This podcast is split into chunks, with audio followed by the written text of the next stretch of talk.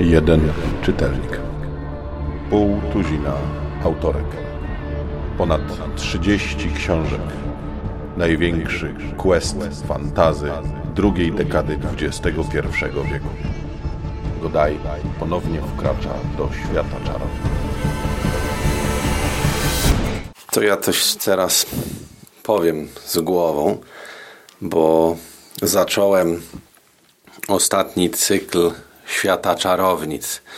Cykl ten to wielkie poruszenie, czyli w oryginale The Turning, który składa się z sześciu książek, chociaż w rzeczywistości one wyszły w trzech woluminach i oprócz tego są jeszcze cztery książki określane czasem jako archiwum, archiwa, kroniki świata czarownic, kroniki chyba częściej w, w źródłach natrafiam.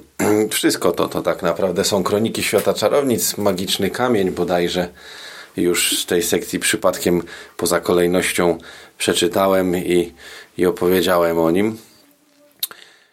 The Turning, ten podstawowy set sześciu książek jest y, o tyle z jednej strony ciekawy jako zabieg wydawniczy, a niestety nie ciekawy jako efekt czytelniczy, ponieważ Andre Norton napisała w każdym woluminie jedną powieść, a do napisania drugiej zaprosiła inną autorkę.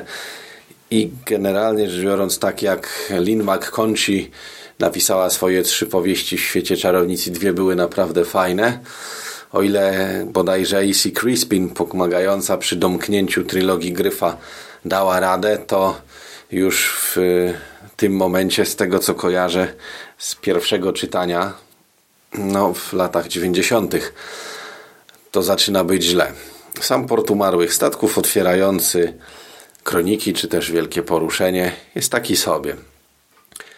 Główną bohaterką jest Destri, która e, jest półkrwi nie wiadomo czym, bo jej matka była sulkarką, a ojciec to tego nikt nie wie. W związku z tym ona jest jasnowidzem i dalekowidzem, ale co komuś jasno widzi, to sprowadza na niego nieszczęście, więc nie chce jasno widzieć, a sulkarczycy jej nie lubią.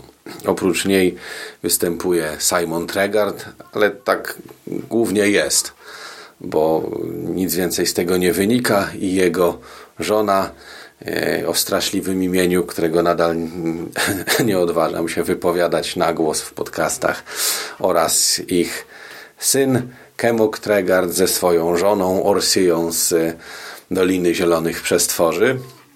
I jeszcze na chwilę pojawia się Cory z Gormu i Lois, jego żona, która była kiedyś córką Falka z Karstenu.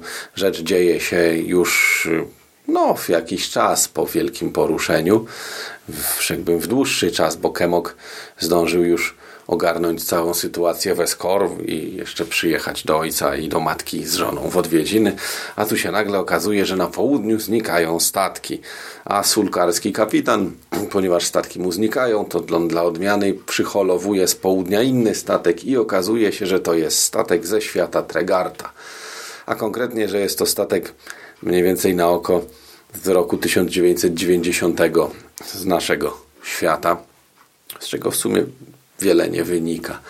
Tak, dla tego wszystkiego e, Destry płynie razem z tamtą czwórką bez Corisa i Lois, bo oni muszą rządzić w Westkarpie, gdzie czarownice poumierały po wielkim poruszeniu.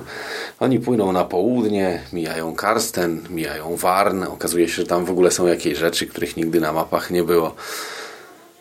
Dopływają gdzieś, gdzie jest brama, Destry przez jakiś czas oddziela się od grupy i przez kilka dni idzie pod czymś w rodzaju Geas, w ogóle Geas. Mam wrażenie, że jakby nie wynalazek Geas, to połowa tych książek nie miałaby w ogóle racji bytu. Nie mówię, że sensu, bo nawet jak jest Geas i bohaterowie robią coś, bo tak, to to nie zawsze ma sens. Port Umarłych Statków też nie jest dobrą książką. Momentami czytało się strasznie topornie. W zasadzie był taki moment, że miałem ochotę rzucić to, albo po prostu tak byle przeczytać. Kompletnie nie obchodziło mnie, co Destry zrobi, czy nie zrobi. Miała tam jakąś wizję.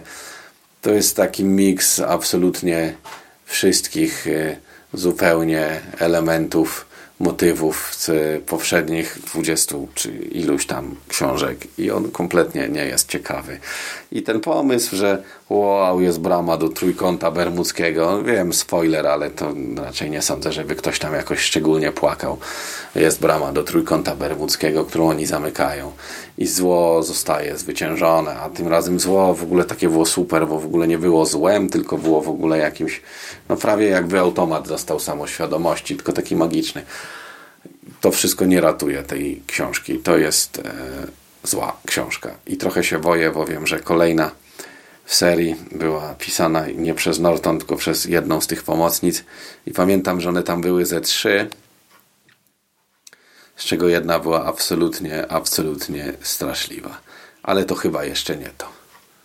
Chyba z tego co pamiętam, to kolejna część to będzie wygnanka o czarownicy, która uciekła po wielkim poruszeniu, czy co? Nie wiem. Dobry Boże, czytałem to 20 lat temu.